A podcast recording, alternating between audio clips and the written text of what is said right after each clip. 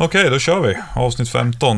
Eh, Jag har skjutit ELR'n, eh, LP har skjutit sommarträffen och vi har bägge två lyckats montera nya grejer. Så eh, ja, vi börjar väl på, på ELR'n, eller vad säger du LP? Ja, den tycker jag är roligast. Vi börjar med den.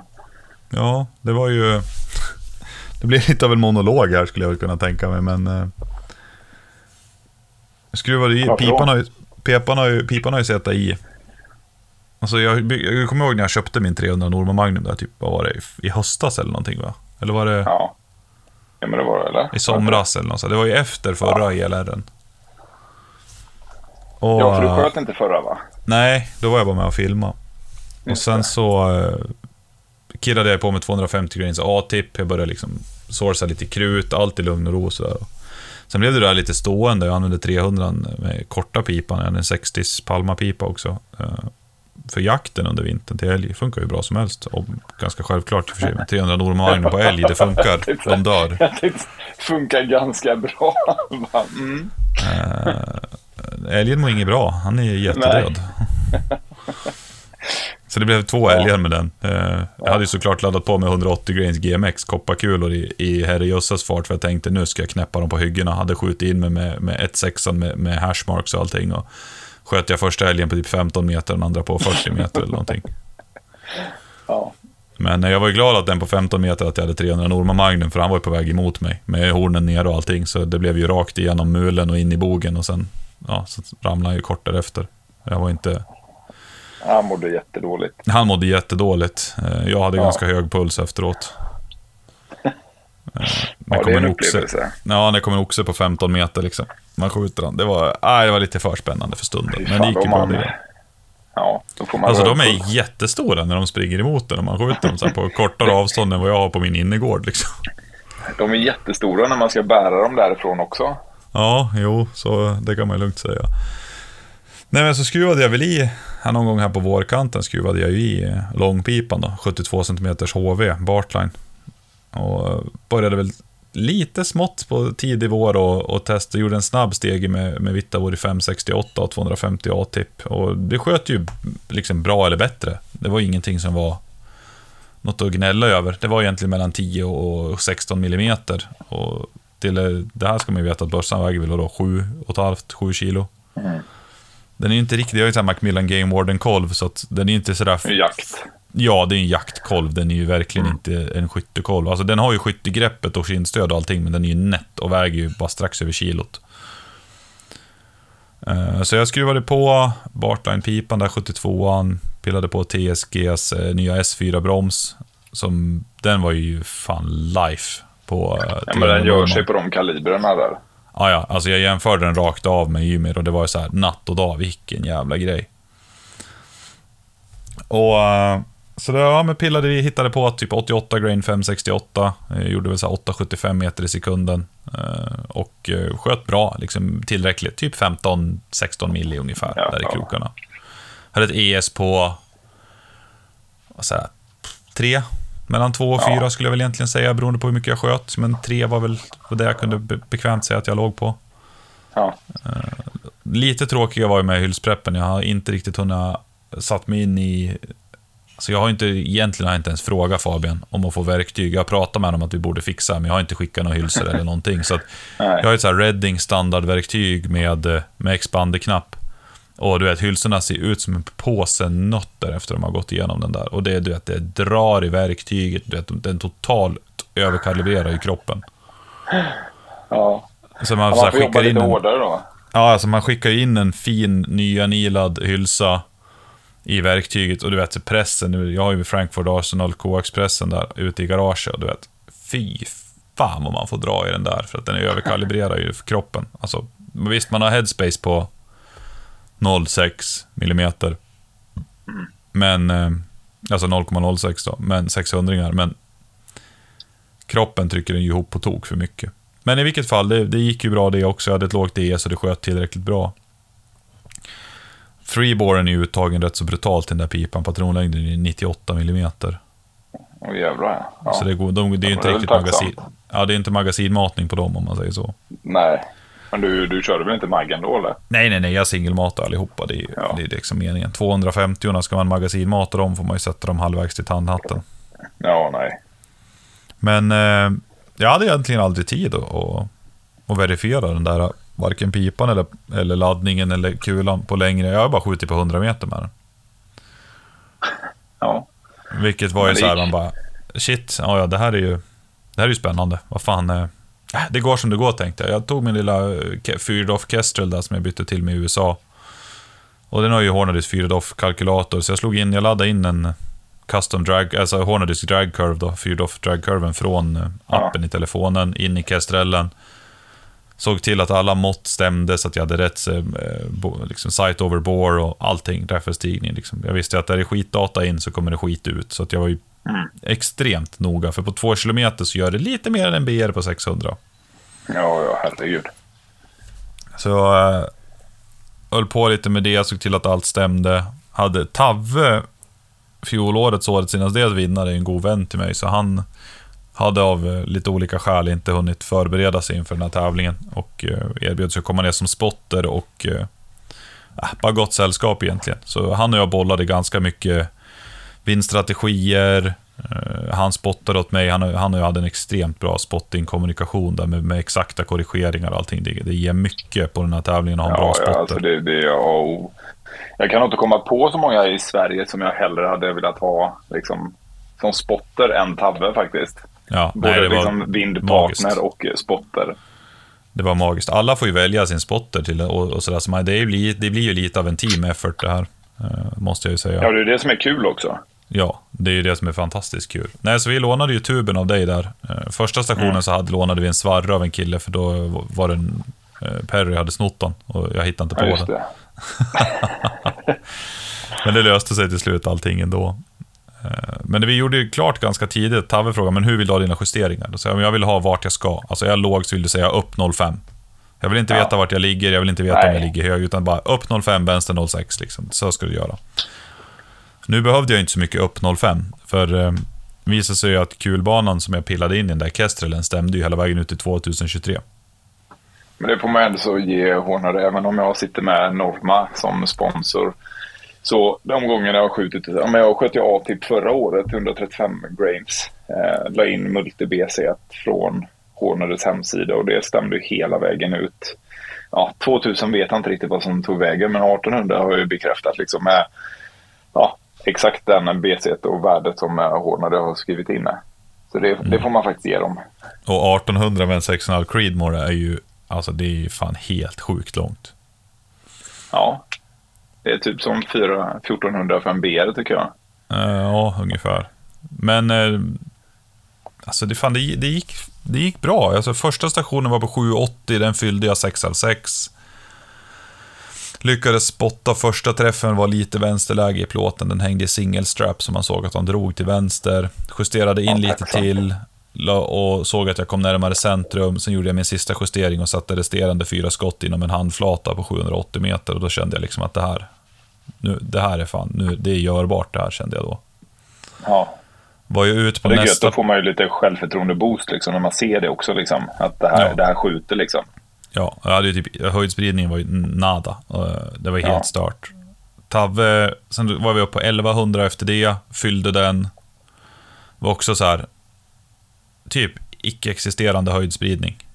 Och det är det jag har hört från killarna i USA, liksom det de säger om just A-tipparna, att de har extremt, extremt låg vertikal, alltså ur ett, ur, om man ska säga ett ES på en kula, ur ett tillverkningsperspektiv, så ska den ha, påstås det, nu är jag ju liksom ingen ballistikexpert, men av de som vet vad de pratar om så säger de att den ska vara eh, lite exceptionellt bra på att ha låg höjdspridning sett till kulan och inte till ES på krutladdningen, alltså hastighet. Men det märktes också på 1100, 6 av 6. 1400 sen så fick jag 5 av 6, tappade en precis till vänster om plåten första skottet, gjorde korrigering, både jag och Tavve såg den, så jag sköt ju med, med den här nya Zero 840 som jag lånade från Just jobbet. det. Ja. Den var ju, alltså gud vilken optik, herre min jävlar. Det var många som kikade den kan jag säga, som blev lite våt i kalsongen. Jo, Zero. Vad, vad, ja. Ja, Man vad ska man säga säga? Det känns som att vi har tjatat tillräckligt om det. Det behövs inte så mycket mer. Precis, snart, snart måste vi faktiskt börja ta betalt om vi ska tjata mer om det. Ja, jo, vi får se. Skicka en, testa att skicka en offert till Österrike. Bara, hej, hej. Det här är en podd i Sverige. Vi, behöver, vi vill ha pengar. Eller sikten. Välj själv. Nej, men eh, så såg jag, juster, såg jag den av till vänsterkanten där på 1400 någonting, 50 eller vad det var. Jag kommer inte ihåg exakt. Eh, sen skickade jag in resterande fem i plåten. Och det, nu började jag tydligen, enligt vad man såg på resultaten sen, så började jag köra ifrån. Första plåten fyllde många i toppen, andra plåten hade de typ en eller två borta, en. Och sen den här 1400 där tappade man, jag tappade bara en, men de flesta där tappade väl två eller tre och där började jag köra ifrån. Åh fan. Men 1400 är väl den som är rätt svår att spotta, eller inte det? Var, jo, den är 1600 svår. Ut, ja, 1400 är den svåra. 1600 ja, den är, är svår.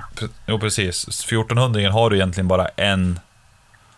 Du har egentligen bara stenen där, jag för mig det är. Ja, just det, på högersidan eller vad ja, det är där bakom. Precis. 1600, där gick jag upp, där fick jag bara en träff, vet du. Uh, och det, jag började med att skruva, jag tror jag var ut på tre, mellan 3 och 4 mil i vind där, vilket är rätt mycket på, på den patron ja, jag skjuter. Fan. Och så fick jag ju höra från någon att vinden just när jag sköt hade börjat mata på rejält, så jag var ju upp. Det var någon som hade mätt den i byan uppemot 8-10 meter i sekunden från typ klockan fyra eller något sånt där. Oh, fan, ja.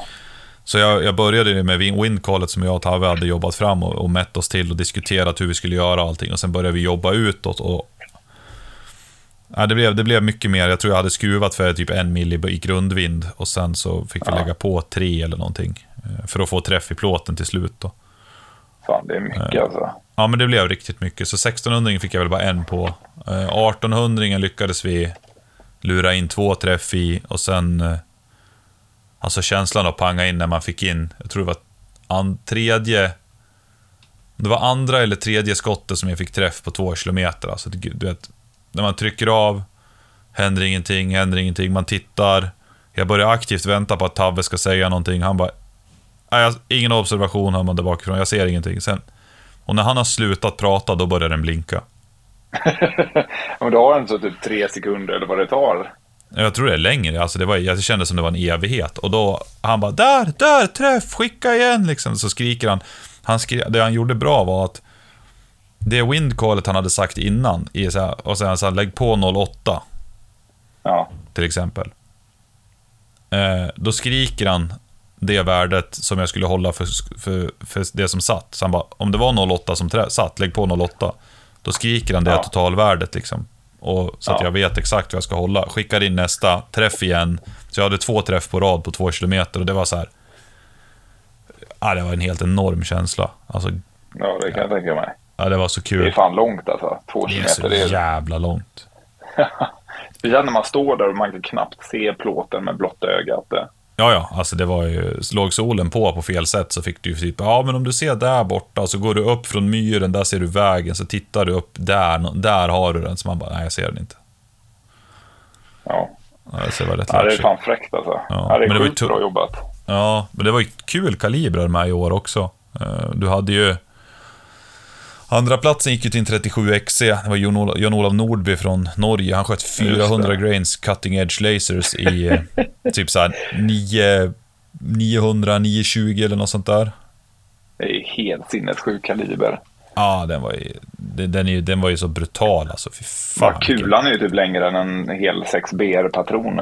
Nej men alltså, kulan på min 250 är längre än typ BR'n. Alltså den där var ju så längre än en hel, alltså den var ju så enorm. Alltså det var helt sjukt. Ja, och han hade så typ... en bild när han hade satt upp sin 300 PRC jämfört och det såg ut liksom som en BR mot... Ja, men, ja 300 PRC med laddad kula var ju lång som hylsan på 37 XC liksom. Ja.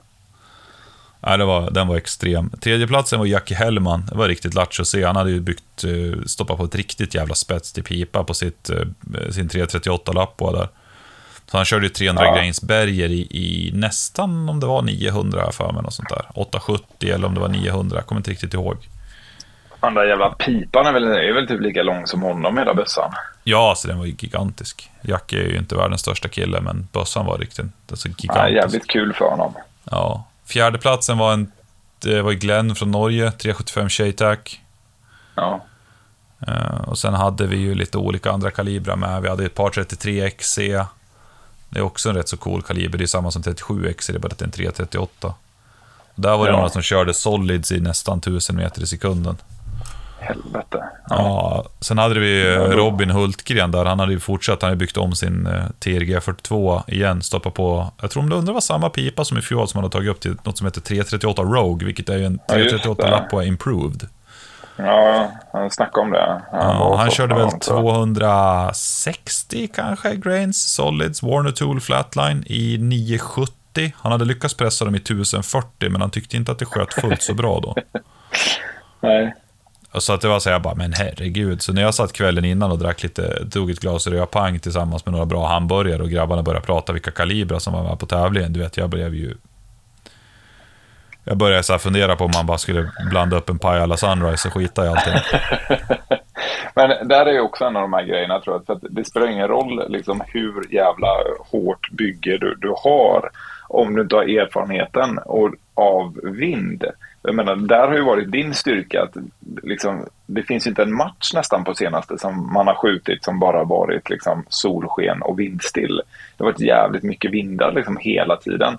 Och få den liksom, kunskapen och liksom, ja, i sig oavsett vad du har skjutit för kaliber tidigare tror jag gör en jävla skillnad på speciellt sånt här. Ja, alltså nu, det är ju en fördel att veta det, för att då kan ju både jag och Tavve är ju ganska duktiga, eller ska vi säga snarare väldigt duktiga. Vi ska inte undersälja någon av oss. Nej, nej. Eh, men eh, när, vi, när han och jag slog våra huvuden ihop, liksom, okej hur bred är en plåt, så här bred är den, och sen redan kvällen innan satt vi och, och pratade liksom, men mitt ES är 3 meter i sekunden, hur mycket är det i höjdspridning på de olika hållen? Så med andra ord, ligger du så lågt i plåten, bör du göra en justering eller inte? Eh, hur mycket är en halv meter i sekunden på de givna avstånden? Eh, i, och så, så kom vi fram till att okej, men en plåtbredd motsvarar så här många meter i sekunden och så liksom börjar man, om du bommar så lägger vi på så här mycket i intervallet tills du träffar. Eh, för man kan ju inte göra annat än att utgå på att ens höjdspridning, ser du ingenting så måste du utgå från att ditt höjdläge stämmer. Ja, ja, ja, precis. Annars är man ju helt... Alltså, det, du har ju bara sex skott på dig så att du har inte tid att hålla på och fippla med något annat.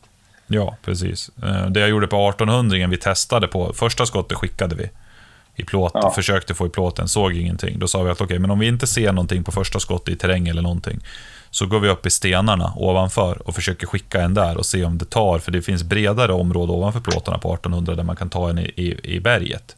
Ja, men. Men även där såg vi ingenting och då visste man ju, okej, men ser vi ingenting i berget, då ligger vi jättefel av i vinden. Så Ja. då gick vi ut, eh, då gjorde jag en bedömning på vinden och eh, satte nästa, jag tror jag satte tredje och fjärde i plåten, nej vänta, fjärde och femte tror jag satte i plåten eller något sånt där. Vi höll på att labba lite och sen sjätte bommade jag, den var precis av kanten. Och det roliga var att jag satt och tittade på min höjdspridning på 1800 -ringen. Eh, jag gick till spottens tubkikare, tror jag det var, eller om, vi ställde, eller om det var en som stod där. Jag hade liksom en höjdspridning på kanske 15 centimeter på de två som träffade. Ja. Han sa, men det är de där på vänsterkanten. Jag bara, de där två som sitter nästan på varandra. Han var precis. Okej. Ja, ju Två i rad. bra. Alltså de hade höjdspridning. Om man håller ut handflatan så var det nere i kanten och över kanten på handen. Liksom. Det är var- rätt hyfsat. På 1800. Alltså jag, jag är så jävla nöjd med den där bössan, det är helt stört. Den var, eftersom den var lite lätt så var den ju smått dryg att skjuta med stundvis, även om S4 gjorde ett extremt bra jobb. Men jag är fruktansvärt sugen på att pilla in en foundation på den där också.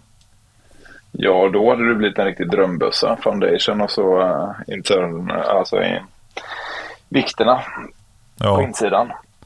nej men vi får se. Det kanske blir till nästa år. Just nu blev det ju lite, lite mycket när man kirrar en Dillon 750. Jag har ju haft en 650 extremt Ja. länge, men min polare ville ha tillbaka den, så då ringde man Pontus på Korax och bara Hej Pontus, jag vill ha en 750 med allt som behövs. Och så var det bara att hämta den i förra veckan.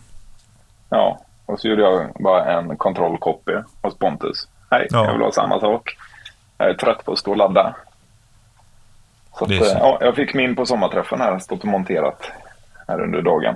Förstår, förstår du vad det är jag har pratat om nu i typ ända sedan du började skjuta? Ja, jo, man börjar fatta det här nu. Det, Det är life på riktigt. Poppe hade ju väl testat krutladdningarna där det var så här, av 10 stycken så var det 7 stycken var 29 grain, 2 var 29,1 och en var 29,2. Med krutkastaren från Dillon i maskinen liksom. Ja, det är ju liksom, det är ju tillräckligt. Tillräckligt för typ allt skulle jag säga. Ja, ja, ja, ja, ja herregud. Men du, vad fan, eh, sommarträffen, hur fasen gick det på den? Fick du på, passade chassit bra liksom? Sköt du bra det där Hunt 26an? Ja, alltså, ja, vad ska vi ta? Jag skruvade på det där chassit. Bössan blev väl på typ sju och ett halvt eller någonting tror jag med benstöd och magasin och dämpare. Eh, åkte upp dit, eh, var lite orolig för, alla har ju liksom hypat upp hur jävla tuff och jobbigt den är. Liksom, och marschsträckan och sådär. Så att jag, jag bantar ju ner den här bössan och min packning så mycket som möjligt. Eh, gick den, kan inte säga att det var några som helst konstigheter och gården. både jag och Rasmus som typ inte rör oss mer än eh, i onödan liksom. Eh, eh liksom gick i mål först av alla. Eh, nu var, hade jävligt bra tempo genom hela. Eh, så att jag, jag, hade lätt kunnat dunka på lite mer vikt på det om vi ska komma tillbaka till chassit. Chassit passar ju, chassit gjorde sitt jobb. Jag trodde att det skulle vara mycket mer bukskytte, alltså klassiskt ja, med. Eh, den här matchen var ju inne och smekte på PRS-världen ganska så mycket. Var det smek uh, eller var det fullt samlag? ja, men en del var faktiskt fullt samlag måste jag säga. Liksom. Uh, och, men det var ju vissa sådana här, det var någon stridsvagn du sköt ifrån liksom, och du fick liksom bara använda baksidan av den vilket gjorde att det var helt omöjligt att använda eh, benstöd eller liknande och då var det liksom säck. Det var samma någon stenbarrikad. Eh, det var inte heller möjligt att använda benstöd på den. Utan det var säck att skjuta. Eh, så att de var inne på ganska mycket av det. Eh, så att jag hade ju med facit i hand så hade jag ju nog inte tagit det här chassit även om det var jävligt smutt. Utan jag hade nog hellre tagit två kilo plus på bössan eh, någonstans där. Eller ett och ett halvt man, eh, så man håller sig inom deras gräns på nio kilo. Eh, just för att det var så mycket liksom barrikadskytte. Eh, som jag faktiskt inte trodde att det skulle vara. Sen så själva, ja, jag, jag skulle förberett bättre. Eh, när vi spelade in podden då satt jag och förberedde allting, skruva ihop chassit. Jag hade ju knappt använt det. Trycke på ett kilo, det har jag inte använt på jag vet inte hur länge. Inte ens mina jaktbössor har det. Vad har PSG um, då? Det har du skjutit en del med. Jo, men det är, det är en fruktansvärd äcklig grej. Det är, den PSG det är, det är väl från en, en och en halv någonstans där. Någonstans mellan också... en och en halv och två beroende på när du trycker av och i vilket väder. ja, men du har tvåstegstrycket på den så då, då, då, blir det lite annorlunda liksom. Uh, men samtidigt, det, är ju, det är bra länge sedan som jag sköt den och normalt så har jag ju typ 200, ja, jag vet inte, kan det vara 250 gram någonstans där på trycket. Och är du van att skjutit ett par tusen skott med det och sen så hoppar du över till ett kilo så eh, blir det ju en liten förändring. Speciellt när du är från barrikad. Liggandes kan jag inte säga att det, det stör så mycket, men när du skjuter barrikad eh, och får liksom ett kilo trycke, då gör det lite skillnad. Eh, men hur ska man summera? Ja, min prestation eh, var väl eh, sådär. Jag är inte så nöjd. Jag kom jag 13 plats eller något sånt där. Ehm, Kom ju före många av dem som har hållit på med det här betydligt längre så det var ju kul ändå liksom för första gången. Men jag är inte alls nöjd. Jag tappade lite. Jag, jag millade fel på en. Jag tänkte B65, bredd 65 tänkte jag. Men det är det ju inte. Det är ju höjd 65. Gjorde några sådana idiotmisstag. Eh, hade ju kunnat eh, åtgärdas om man bara hade läst på den där eh, tabellistan lite innan man åkte upp dit.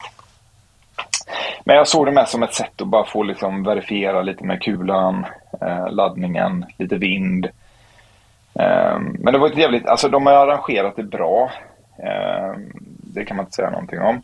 Det var jävligt rolig, roliga stationer. Eh, det var en bra blandning liksom mellan bukskytte och barrikadskytte. Eh, lite så som, alltså det här hade lika väl kunnat vara en PRS-match om man ska vara helt ärlig.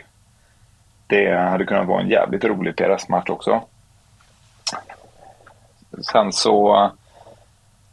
Eh, vad ska man säga mer om den? Ja, men det, var, det, var, det var en kul dag, liksom, men det är ingenting som jag kommer åka tillbaks till om de har samma regler gällande vapen. Man kan göra som Kosta eller man kan göra som Ravlunda där man liksom öppnat upp och gjort undantag. Där man har liksom att skjuter du med dämpare eller fri vikt eh, både på trycke och gevär så ja, men då får du gå i en viss grupp. Jag frågade ju en av arrangörerna, liksom lite så här, jag sa det, fan inne och smeker lite på PRS-världen här. Ja, jo, det gör vi liksom. Så här, varför öppnar ni inte upp då? Eh, så alla kan komma, då får ni mycket större publik. Och eh, jag förstod inte riktigt svaret helt eh, eftersom att det skulle kunna likställas med, med försvarets PSG 90-skyttar så att de hade någonting att referera till. Ja, jag fattar inte riktigt det för att det i min värld så är det ett väldigt konstigt resonemang för att den bössan är riktigt jävla sunkig och ammunitionen är ännu sämre och du har en 308 liksom. Och jag pratade med några av dem som gick rundan i grönkläder liksom och var så här, ja, någon station där börjar du på 800 och det är liksom smärtgränsen för PSG om du skjuter 308 ammunitioner. Så det var så här, det är svårt att likställa någonting då när du ska ha en så sjuk eller skjutavstånd upp till 1300 meter.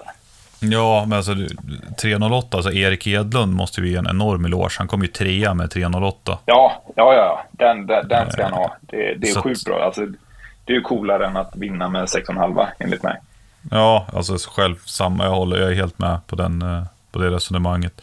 Så liksom att 300, 800 meter som smärtgräns för PSG 90 med 308, det är ju inte på grund av att det är en 308, utan det är på grund av att det är ett, ett, ett kastsystem med dålig ammunition. Ja, det ammunitionen är ju det största liksom. Det, ja. det är det Eller ja, det är väl inte liksom. ett kastsystem i grunden. Det är bara det att man inte, man skulle ha bytt piporna för 15 år sedan och sen gjort det varannat år. Ja, men typ så. Och sen så har hållit sig till en batch ammunition liksom. Uh, ja, det är väl det. Nej, jag, vet, jag, jag förstod inte resonemanget riktigt där. Och sen är det ju lite annorlunda. Jag, jag, jag har svårt för det upplägget som sommarträffen är. Att det är liksom så här, du går i patruller. Men du ska inte prata med varandra om någon form av taktik eller hjälpas egentligen på det sättet. Det är ju deras grundscenario. Utan att det här är ju en individuell tävling där du inte ska prata egentligen om någonting. Eh, Vadå, så man ska, jag, meningen jag, att man ska gå runt i, i, i 14 timmar och, och bara prata om att vädret är, är fint och gräset är grönt? Eller? Nej, men du kan ju prata efteråt liksom, om allting. Men du, kan, liksom, du ska inte stå där och då och prata om någonting. Eh, om man nu ska tolka liksom reglerna helt så ska du, kan du inte ställa dig som är, ja, på en PRS-match och bara säga du, vad tror du om vinden här liksom, och hur tror du om vinden där? Mm. Vart eh, bör vi lägga det... påsen? Liksom? Ska vi lägga den där eller bör man göra så här istället? Liksom, sådana där små saker. Ja, men precis. Det var ju inte alls det. Sen har alltså, ja, jag vet inte, jag, jag är lite anti det där liksom. Alltså, när, eh, jag gillar ju liksom det där att stå liksom och jag tycker att det är så vi utvecklas tillsammans liksom. Och det finns ju jättemycket saker som fältskyttarna kan som kanske inte man själv har koll på och så vice versa. Speciellt när de börjar blanda in PRS, alltså vad ska man säga, PRS-stuket i deras egna matcher. Sen är det ju alltid så här, det, det, är ju svårt när man går med folk som har gått den här flera gånger, gått på eh, deras träningsdagar och allting och varit på fältet och vet hur det skjuts liksom och sen så samtidigt då inte liksom kan berätta eller liksom delge någonting eh, för utbyte liksom, informationsutbyte. Eh, jag vet inte, jag, jag, jag föredrar ju liksom en PRS-match där liksom alla hjälps åt. Jag, jag, vet att det har varit skyttar historiskt sett som har varit ganska griniga på det där, speciellt när det kommer till de rörliga målen, att det har funnits liksom det har ju funnits träningstillfällen som ja, men alla kan komma hit, vi skjuter mellan 12 och 3 på, på söndag. Liksom. Men så har du ju folk som bor som Erik, Erik liksom uppe i Lycksele. Bara, ja, för jag, det känns ju fullt rimligt att åka till Stockholm, eller de från södra Sverige, för att vara med på de här. Utan, mellan, på, där du har, eh, liksom, får skjuta någon timme eller något sånt där. Jag, nu, nu ja. tog jag ju bara tiderna rakt ur arslet, liksom, men du förstår vad jag menar. Ja, nej, men så är det. Alltså, matchen i sig var jävligt välarrangerad. Eh, den, den, var bra, det var jätteroliga stationer, men det är själva upplägget som jag kände, det var inte riktigt... Det var en jättekul dag liksom. Eh, jag och Rasmus hade det skitkul, gick och snackade långburk hela dagen liksom. Eh, och, och nej, men det var bra liksom skjuttillfällen, men jag hade ju hellre sett att jag hade skjutit den med mitt vanliga system. Mm, mm. Även om det är tyngre så hade jag burit det. Det hade inte varit några konstigheter alls. Jag hade kunnat tänka mig att gå en mil till. Liksom. Jag tror att vi kom upp i tre mil eller någonting. Eh, med den packningen jag hade så hade jag utan konstigheter kunnat ta en mil till den dagen. Det var inte... Ja. Det var inga extrema... Lite Det var ju som du sa, vad hade du på den där, den där pulsklockan? Vad sa du att du hade? 4000 kalorier eller vad var det? Ja, 4800 kalorier tror jag att jag hade Ja, där. precis. Och så jämför man det med NM i långhåll som vi hade i Norge, som det var någon som hade sån där pulsklocka på, och så brände sju och ett halvt liksom. Ja, jo. Ja, pulsar du snö så är det en jävla grej liksom. Bara Det- två, två meter snö, 35 kilo på ryggen och snöskor liksom. Det, Ja, och nu vet jag att nu, nu kommer massa som lyssnar på det här liksom och så, som har varit på de andra åren och bara, ja men förra året var det 30 grader och det var så här och så här. Ja, jag har full respekt för det. Jag har gått i, själv i ganska varma temperaturer så att jag, jag har full respekt för det liksom. Och det som jag kan se som största varför jag tror att folk hade problem, det var ju liksom för att folk sket i att ta med sig mat och liksom tog bars och nötter istället. Ska du liksom vara ute i i 14 timmar så kan du inte leva på nötter och bars. Hade det varit fyra timmar, absolut. Ehm, men, ja. ja, det och sen undermånligt på alltså att man inte är, strategisk med vad man har på fötterna.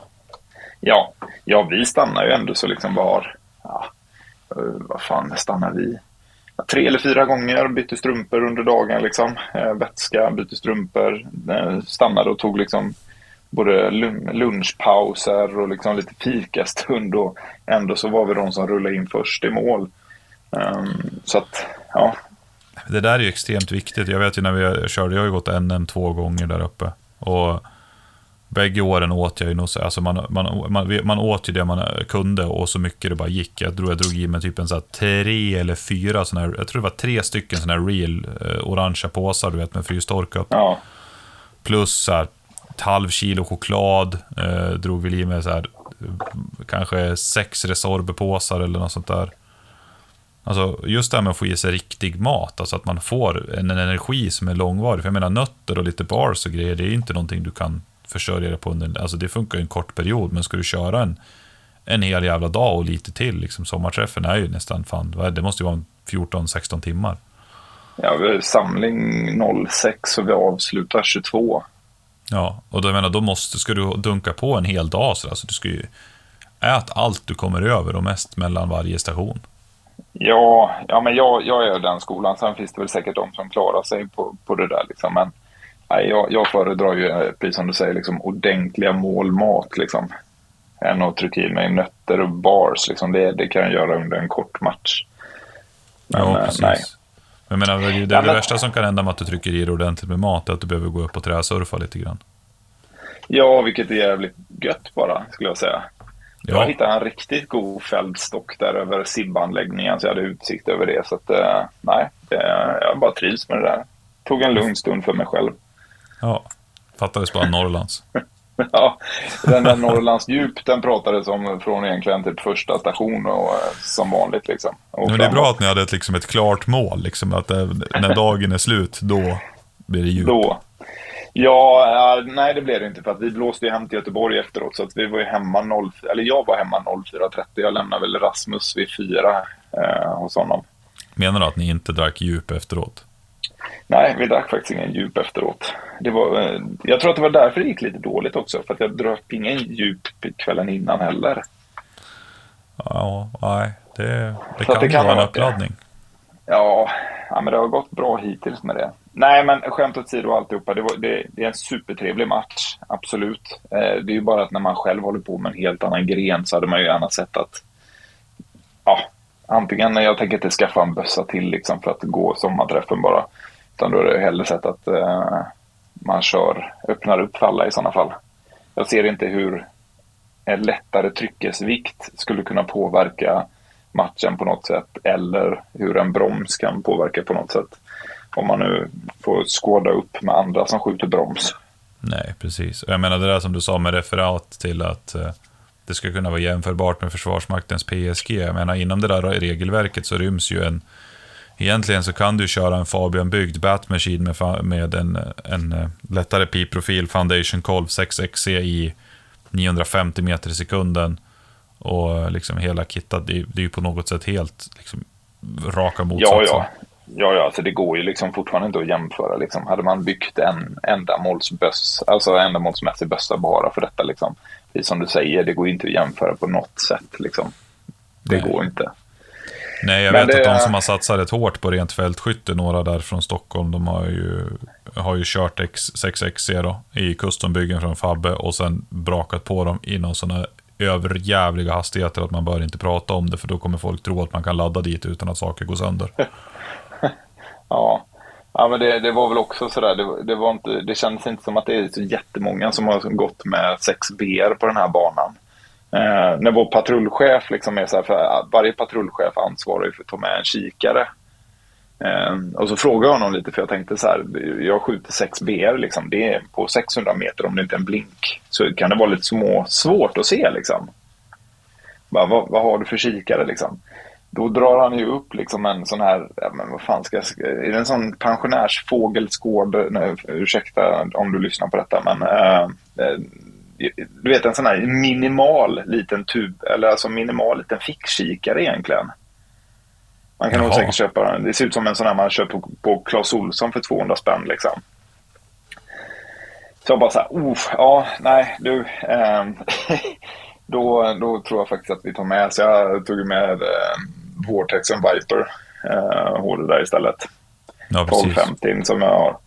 Det var ju en viss skillnad kan jag säga och det var nog jävligt tur att jag tog med den på, för på vissa ställen var det fanns svårt, alltså de här plåtarna, eh, vissa plåtar satt ju ordentligt.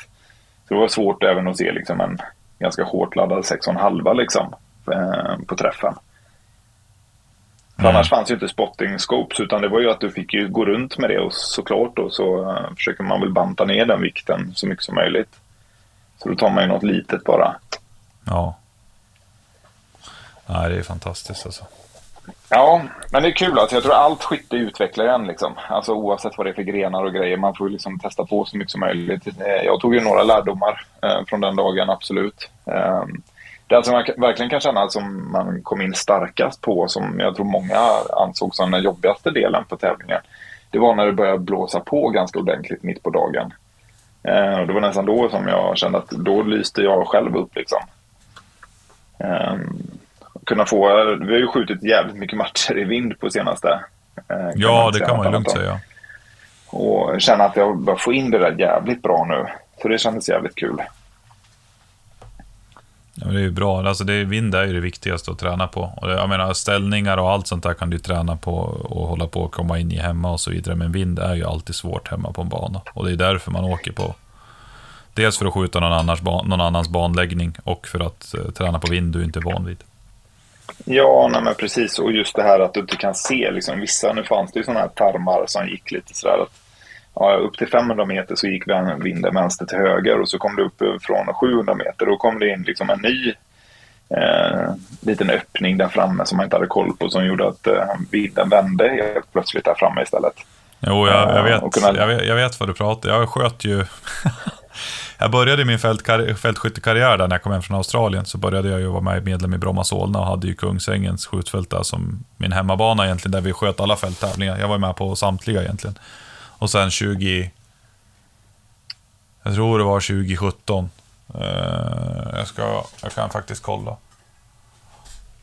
Jo, 2017 så, eh, så vann jag ju SM i, i Kikafält på, på Kungsängen. Och alltså, det, det, det tar ju bort lite från bedriften när man vet att Alltså vi alla som stod på pallen hade ju det där, så egentligen i toppen hade ju det som hemmabana. Så man krigade ju mot Ja. dem som var på hemmabanan. Så jag, jo, man var ju bäst just för den stunden. Och man krigade mot dem som också sköt mycket där. Så visst, det var ju kul så, men jävlar vilken fördel man har på det där fältet om man har skjutit där ett gäng gånger alltså. Ja, alltså det kan, det kan jag verkligen tänka mig att det, det blir en hel del. Och, ja, som du säger, när man varit där ett tag. Hade man gjort samma sak nästa år så, så ja, då hade det nog sett helt annorlunda ut. Ja, det är ju det som att man lär sig sådana där gånger, så kommer man tillbaka och så blir det lite bättre. Det är ju också samma sak med, med PRS-tävlingarna. Skjuter man på samma ställe många gånger så börjar man ju förstå liksom varför det beter sig som det gör. Ja, ja men så är det. Nej, så överlag en kul tävling men eh, det var lite för mycket eh, prylar för att, eh, eller som byttes och be- behöva ställa sig in på liksom, för att köra den tävlingen för mig för att jag ska åka tillbaks igen om de inte ändrar det. Mm. Hur funkade ryggen då, tycker du? Eh, Ganslingen, Ja, precis. Ja, nej, fan den är ju guld. Den är guld. Alltså den har jag ändå så kört. Alltså jag har haft den på jakt där hemma några gånger och hade ju den på toppfågeljakten och så. Nej, den är ju guld. Alltså, ja... eh, det är, det är så jävla lätt system liksom. Jag vet inte, jag gillar du får liksom vikten bra centrerad från vapnet liksom direkt bakom dig. Du, det är enkelt att packa den. Eh, tillräckligt stor för att få med mycket men ändå så tillräckligt liten för att inte överpacka den. Så att, eh, nej. Eh, den är jävligt god men eh, den åker tillbaka i skåpet nu så blir det uprangern istället framöver. Ja, alltså det är skillnad. Alltså Gunslinger 2, eh, eller för alla som undrar, Eberly Stock Gunslinger 2, den är ju en det är ju en, en rygga som är till för de där. Alltså vi var ju svinmånga som hade dem, för du hade ju både Midnight Sun Rifle Challenge och, eh, uppe i Tromsö då, och NM i långhåll. Och då är ju en sån där Gunslinger 2, när man ska knata med bössan och det är tävling, då är det ju den som är... Alltså den är ju så jävla god. Uprangen Ja, är ju ja, mer ja. av en... Alltså PRS Ja, men det- match eh, banväska liksom. Det är ju som en kameraväska liksom med, med fack i. Men Ja, det är jävligt gött när man väljer på matcha och allting. Ja, jag är förvånad över hur många liksom som typ gick med, med bössan i slinga och liksom gick med, fan jag vet inte vad, alla, alla möjliga härken som jag såg, som jag uttrycker mig då kanske man. Liksom med, med ryggsäckar på magen och ryggsäck på, på ryggen liksom och så bössan i slinga på det liksom. Man var så här, herregud, det, det kan inte vara skönt på något sätt det där. Ja, det är förmodligen inte det heller. Nej, nej, men det är ingen jättedyr peng om man anser liksom till allt man håller på med i den här sporten att köpa en vettig ryggsäck om man ens håller på en del med fältskytte eller ska gå Ja. typ två och en halv, tre mil. Jag brukar ju ha min, jag tar ju ur ramen ibland och sen viker jag in den här, äh, alltså, alltså höl, hölstret, då kan man ju vika in så Ja. det bara ser ut som en vanlig rygga. Så jag har ju haft den, den alltså ibland har jag ramen, ibland inte, det beror på vad man känner för, men så har jag den när man går ut och, och vandrar eller någonting. Eller Ja. bara, alltså, det, blir, det blir en bra ryggsäck helt enkelt. Ja, ja, ja, det blir det. Den nya, jag funderar dock, jag har en gammal variant, den köpte jag för en jäkla massa år sedan. Och den finns det ju inte uttag för, eh, eller ja, det finns ju på insidan, men det finns ingen utgång för, eh, för sån här camelback, vattenblåsa. Ja.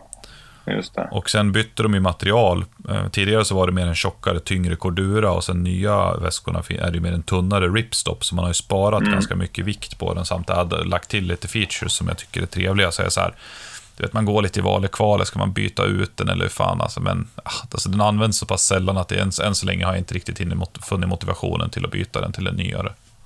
Jag tänkte säga det att det är fan så sällan som man använder det liksom. Ja, det nej, det där är... Jag får se hur Inga det går. jättestrapatser. Ja, men hur, eh, nu börjar det, fan det är inte långt kvar nu till, till VM. Hur, Nej, vad sen har vi? Vi har väl, vad är det, en, det är ju onsdag nu då. En, två, ja, kan det vara sex, sex, sju veckor kvar eller något sånt där. fan är det Vad är det? Ja, vad, vad är det vecka 32 nu? Vad är det nu? 25 eller? Ja, Ja, sju veckor typ. Sju veckor då. Ja jag ska se, det står ju på, på vår hemsida, precisionrifle.org. Det står ju exakt antal dagar. Ja, just ja, en månad och 14 dagar. Fan, det är inte mer än så alltså. Herrejävlar. Ja, det var det ju på tiden, tänkte jag säga. Att, eh, Fabbe skrev att han skickar pipan idag här nu. Så att, eh, jag ska åka och hämta matchpipa inför VM och försöka skjuta så mycket som möjligt. Förhoppningsvis hinner jag skjuta in den så att den även får gå på Tifors, tänkte jag. Ja, alltså det är en bra, bra ställe där. Jag var ute i Fabbe och tog upp freeboren på min. Jag skar den ju för kort. Han hörde av sig och frågade vad jag skulle ha för freebore. Och då sa jag bara, men 62,9 låter bekant. Det var det jag tror jag hade sist. 62,9. Han bara, ja men det, ja, men det, låter, ja, men det låter rätt. Liksom. Så vi körde 62,9, kom hem och då var ju 2 mm kort. Så det var ju 64,9 såklart. Såklart. Ja. Såklart. Ja, du, för Eh, du behöver lite mer med i tipsen där eller? Ja, precis. De är ju lite längre. 110 grains A-tip i en Ja. BR, då behövde jag dem där lite längre för att kunna... 62,90 är väl typ vad jag. Ja, det är vad du har. Eh, Ja, A-tipparna trivs ju med ganska mycket friflykt. De gillar ju det här med 2,5 mm har jag upptäckt. Eh, Där tycks de Ja. om och tycker om att vara. Hammarkvist skjuter ju också A-tipp nu till VM och jag sa åt honom bara, men pilla i så att de går så här fort och sen sätter de så här långt från bommarna. Så hade han väl skjutit typ så här, ja, vet fan vet jag, mellan 14 och 19 mm på 300. Han bara, ja, det här känns ju som att det skjuter. Jag bara, har du skjutit på 100 eller? Han bara, nej, 300. Så jag bara, shit, okej, ja, grattis till den pipan liksom. Ja, spara den till VM. Så, Så, eh, punkt. ja, Ja, det kan man inte säga så mycket om. nu försvann ljudet här en liten stund. Nu får vi se om vi kommer tillbaka. Är vi tillbaka nu? Nu är vi tillbaka. Det var min telefon Är vi som tillbaka? spökade. Nej, eh, så hans pipa sköt ju som en jävla dröm. Eh, Han, var ju, han är ju rätt nöjd. Så han eh, undrar Ja, om det han skulle tuna något mer, men det tyckte jag inte. Men som sagt, jag tog ut min freeboard nu till det som är rätt och riktigt. Det är samma som han har då. Han hade ju den, såklart den som var rätt eftersom han sk- skar ju sin pipa efter jag gjorde fel. Ja, ja såklart. Så jag ska väl ut och försöka dra igång den lite grann. Tänkte skjuta den i Tyfors och sen helgen innan VM så har jag ju Cold Steel i Norge som jag tänkte ha som lite workup inför VM. Ja, du kör den. Ja, jag fick ett meddelande från min bror och frågade om jag ville gå på Rammstein den helgen. Ja, okej. Så, att, eh, så att, eh, ja, det fick bli det istället. Lite familjetid. Jag förstår, jag förstår. Det, är- det är nästan så att jag är lite avundsjuk där. Man hade ju velat sett Deutschland på live alltså. Ja, men jag känner att det är det något band jag vill se liksom live innan de blir allt för jävla sackiga. Liksom, se den så de står där, Deutschland, Deutschland. Men eh, Liberalen. ja, jag ska inte gå in för mycket på den där. Det är en bra Men låt. eh, ja, det, det är fan det är bra. Den, den var ju, i, när vi åkte hem från eh, sommarträffen så var det ju fönstren nere sista sträckan och Rammstein på väldigt hög volym. Så kan jag säga. Ja, dels för att det var bra musik och för att hålla sig vaken förutsätter jag. Mm, ungefär så. ja, men förutom det så jag, jag ska fan inte ändra någonting på min setup just nu inför VM. Det är bara i med nya pipan, sen är det exakt samma grejer som gäller nu. Ja, ja, nej det finns ingen anledning. Jag känner att det är rätt, det är rätt fulländat. Liksom foundation-kolven, låset allting. Det skjuter bra. Både du och jag är liksom bra in tune med våra laddningar och våra projektiler. Så att, ja, det känns som att vi är... Ja, det känns som att det, ja, men det ska bli jävligt kul. Sen får vi bara se till att boka alla de sista grejerna för resan också. Mm, färjan och sånt där ja. Ja, får se om vi gör någon on the road-podd. Ja, jag får väl... eh, Vi får testa lite och se om den här micken, min studiomick som jag har, om det går att ställa den i, i, mitt emellan i Volvon. Så om den inte tar upp för mycket brus. Jag menar, Volvon låten är ju ganska, den är ganska tyst, men det kan ju trots allt bli ganska mycket. Ja, ja det, kan, det kan bli. Där får vi väl också passa på att tacka för att det är väl, eller ja, jag får i alla fall mycket folk som skriver och tackar för en bra podd. Ja, det, jo, men det är kul att folk kontaktar dig. Eh, det är ju. Ja, det, Det är din inte. podd men folk kontaktar mig. Ja, precis. Det är min podd, men folk kontaktar dig. Men det, vi har ju blivit ett ganska bra team här nu. Och, och, ja, så du framstår ju som den trevligare människan av oss två. Så Ja, men jag jag, är ju en av folket liksom, det är ju det. Du, är liksom, du vinner bara allting, jag är fortfarande mänsklig. Ja, så långt ska vi väl. Det har gått bra nu. Jag vann ju, vad fan har jag nu? Fyra, fyra av fem. Jag vann ju... Det enda jag inte har vunnit hittills nu i år, det är väl... eh, Ja, just det. Jag kom ju tvåa på din match där nere i Trollhättan. Ja, ja det är den där. Och sen eh, kom jag ju på 19 plats i USA, sen har jag ju vunnit resten, så det känns ju bra. Ja, USA behöver vi inte prata om. Nej, det var ju bara... Men eh, det var ju nog lärorikt och så vidare. Eh, Kommer du ihåg vart jag Ja. sa att jag hade varit förresten? Mm, jag vet inte, var, var, var det New York eller? Ja, jag precis. hört. Jo, det var... eh, Någonting med New var det. Jag, jag slutar Ja. lyssna efter som du, efter varje gång du säger i New och sen så bara... Ja, precis. precis. Det var New Hampshire. Mm, precis. Nej, det var lattjo. Jag har för övrigt hållit på att testa lite grann med ett nytt krut. Jaha. Ja, Lovex L- S062 fick jag hem ett gäng. Lovex. Ja, jag, det är lite intressant där, för på matchen... eh, jag har ju velat hålla det här lite under the table, jag har inte velat sagt någonting för jag var tvungen att verifiera det.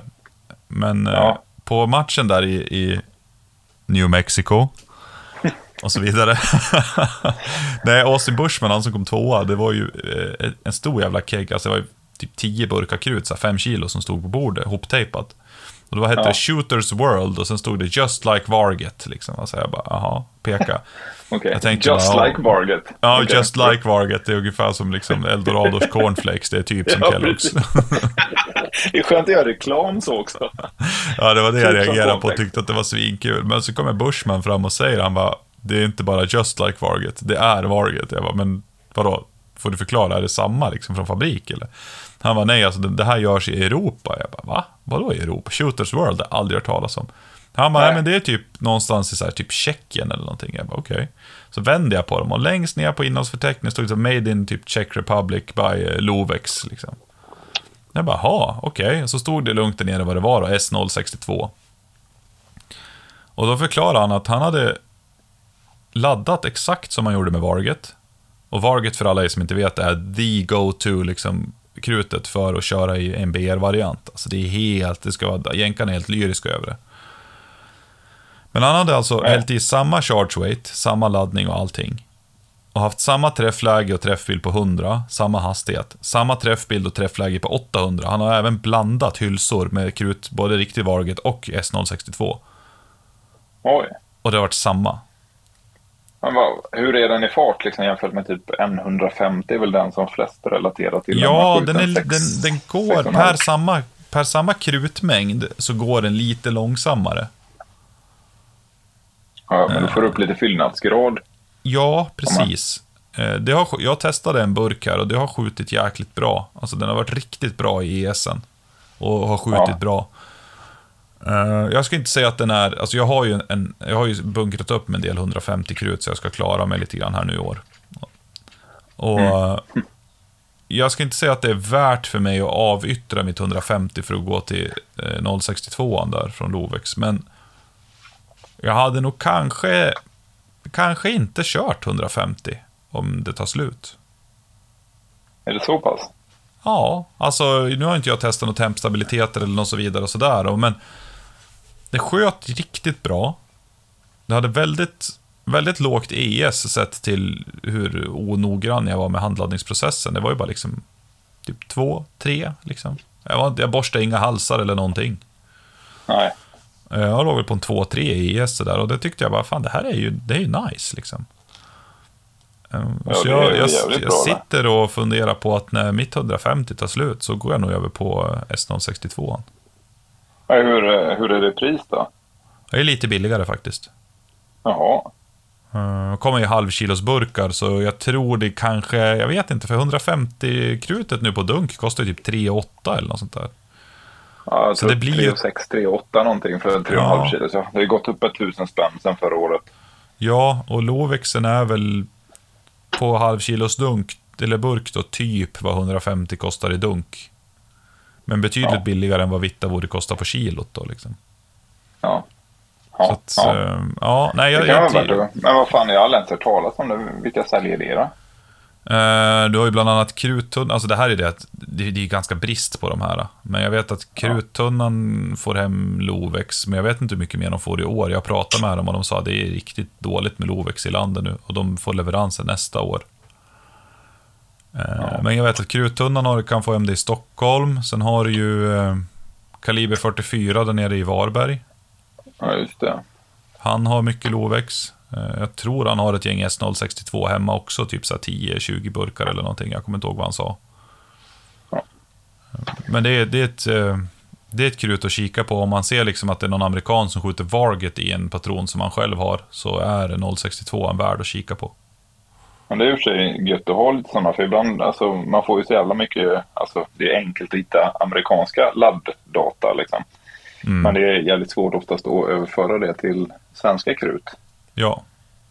Och det, det, det där, jag testade och fick lite data och så vidare från USA. Nu är min pipa, vad ska man säga?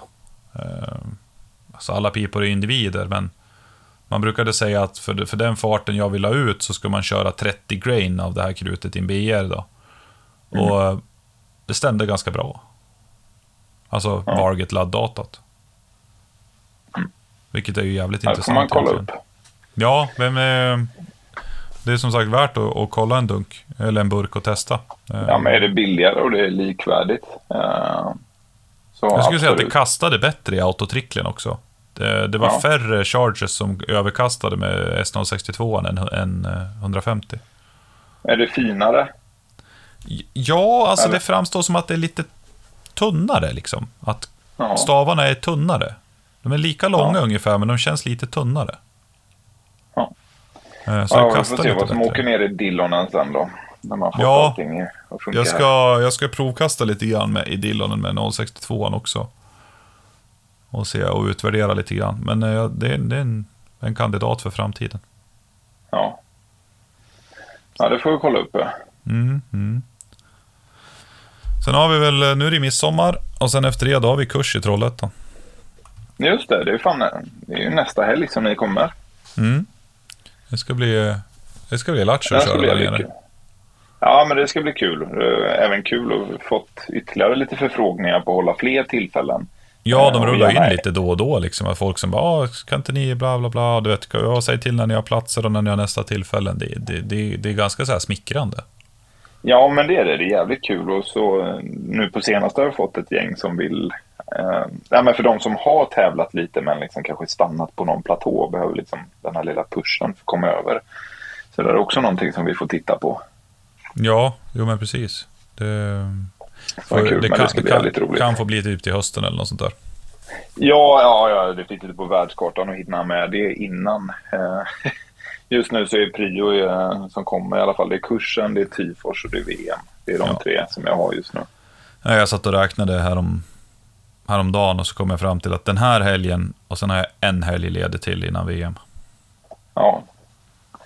Ja, jag är inte långt ifrån. Det är det som min fru frågade idag om vi ska boka tid för att träffas. För vad? För att träffas? Ja. För att få träffas. Bara så här. Du, skulle jag, ska jag boka in i kalendern om vi ska ses snart eller? Bara, Ja, okej. Yes, jag förstår. Jag förstår. Jag är hemma på midsommar i alla fall. Ja, det är ju, Precis. det är ju stort gjort. Inte en uppfattad. Liksom. Ja, det är hysteriskt kul. Det, nej, det har varit lite väl intensivt här. Eller väl intensivt, så blir det när man satsar. Eh, så blir det ju liksom väldigt mycket. Vi bägge har väl flängt en hel del här på senaste. Ja, jo, så är det. Eh, man satt, jag satt i bilen idag och kollade ut i sommarvädret och allt är jättefint och sådär. Och så bara... När satt jag ner och bara uppskattade min omgivning. Liksom. Det, det ligger på med både jobb och, och skytte och allting nu. Så att det är så här, nej, det ska bli skönt att komma iväg över midsommar och, och bara sätta sig egentligen och hålla käften i, i stugan och dricka burk. Ja. Ja, det låter jävligt bra. Jag ska fan inte röra mig en meter här hemifrån nästan. Jag har lite gäster som kommer och sen blir det fan inte mycket mer än så. Nej, det är gött. Det är gött. Nej, men vad bra. Men du, eh, då kör vi en liten uppehåll här nu på någon vecka tills vi har haft kursen och gjort lite mer skit så att det finns någonting att prata Ja, om. vi För får väl ta vi ju- någonting efter kursen då kanske, när du är på Ja. plats här. Ja, ja, precis. Kan vi bara sätta oss där nere ute på verandan eller i källaren eller någonting. Ja. Ja. Nu ska jag montera tillbaks min foundation stock och testa mina nya såna här, vad fan heter de här? Wheeler, vad heter de? Du kan det här bättre än mig. Fatsticksen. Fat sticks ja, precis. Ja. Jo, jag har jag, saknat jag, ett bra alternativ för de här under bra jävla länge. ja, jag kör dem också. Eh, kanske uppenbart i och med att jag, vi säljer dem på jobbet. Men eh, den där produkten kom ju fram här för Alltså vad fan var det? Typ ett och ett halvt år sedan presenterade de en CAD-ritning på de där. Men typ så här, man fick ju säga att ja, men det här får ni absolut inte distribuera vidare och det är jättehemligt och allting. Och så såg jag den där på bild och jag bara, det där, det där måste jag ha. Alltså det där ska jag ha. Och sålde väl in det där på jobbet lite grann och sa, förstår ni hur bra det här är? Liksom. Så att jag bara, ja, men de förstod väl liksom halvt. Men så tog vi hem ett gäng och så, ja. De kom ju för ett tag sedan. Ja, ehm, kan man för övrigt också köpa på Korax. Men ehm, de är nice. Alltså vad kommer de i? Du har ju dem ju framför dig. Alltså vad är det för eh, Ja, olika mig. Nej, men, ja, men de kommer från 15 till 65 inch bounce. så. Ja, det är allt man behöver.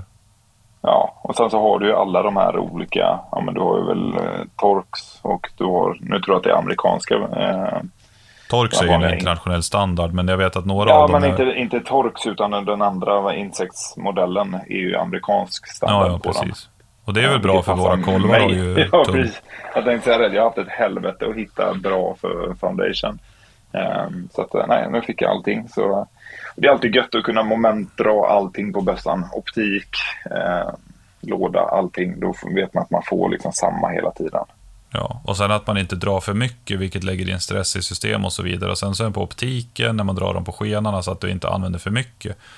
Så det, det vissa Ja. gör när de monterar grejerna, det alltså det man inte får glömma bort, att alla skruvförband ska du alltid ha fettade skruvar på det, så du ska ha en liten bit olja på dem, för annars försvinner, försvinner momentet in i friktionen. Ja, Eh, Så, och det är så att om man har liksom fettade skruvar, liksom lite grann, kom, man kommer långt med bara en, en dusch med lite vapenolja eller någonting. Och sen så drar man med rätt moment, alltså då har man ju gjort, då har man ju gjort, liksom, tagit bort en, en felkälla. Ja, absolut det. Oh ja, har man. Så det ska bli... Ska alltid fettas innan man trycker in det. en sån jävla göteborgare. Du gillar fetta? Ja, jag gillar feta. Ja, det är gött. Ja, men vad bra. Du, eh, godnatt på Nu det. börjar klockan bli sent. Ja, alltså farbror måste gå och lägga sig. Hon är snart tio. Ja, du, jag känner igen det. det är gött. Du, eh, godnatt LP. Det hörs. Ciao. Ciao.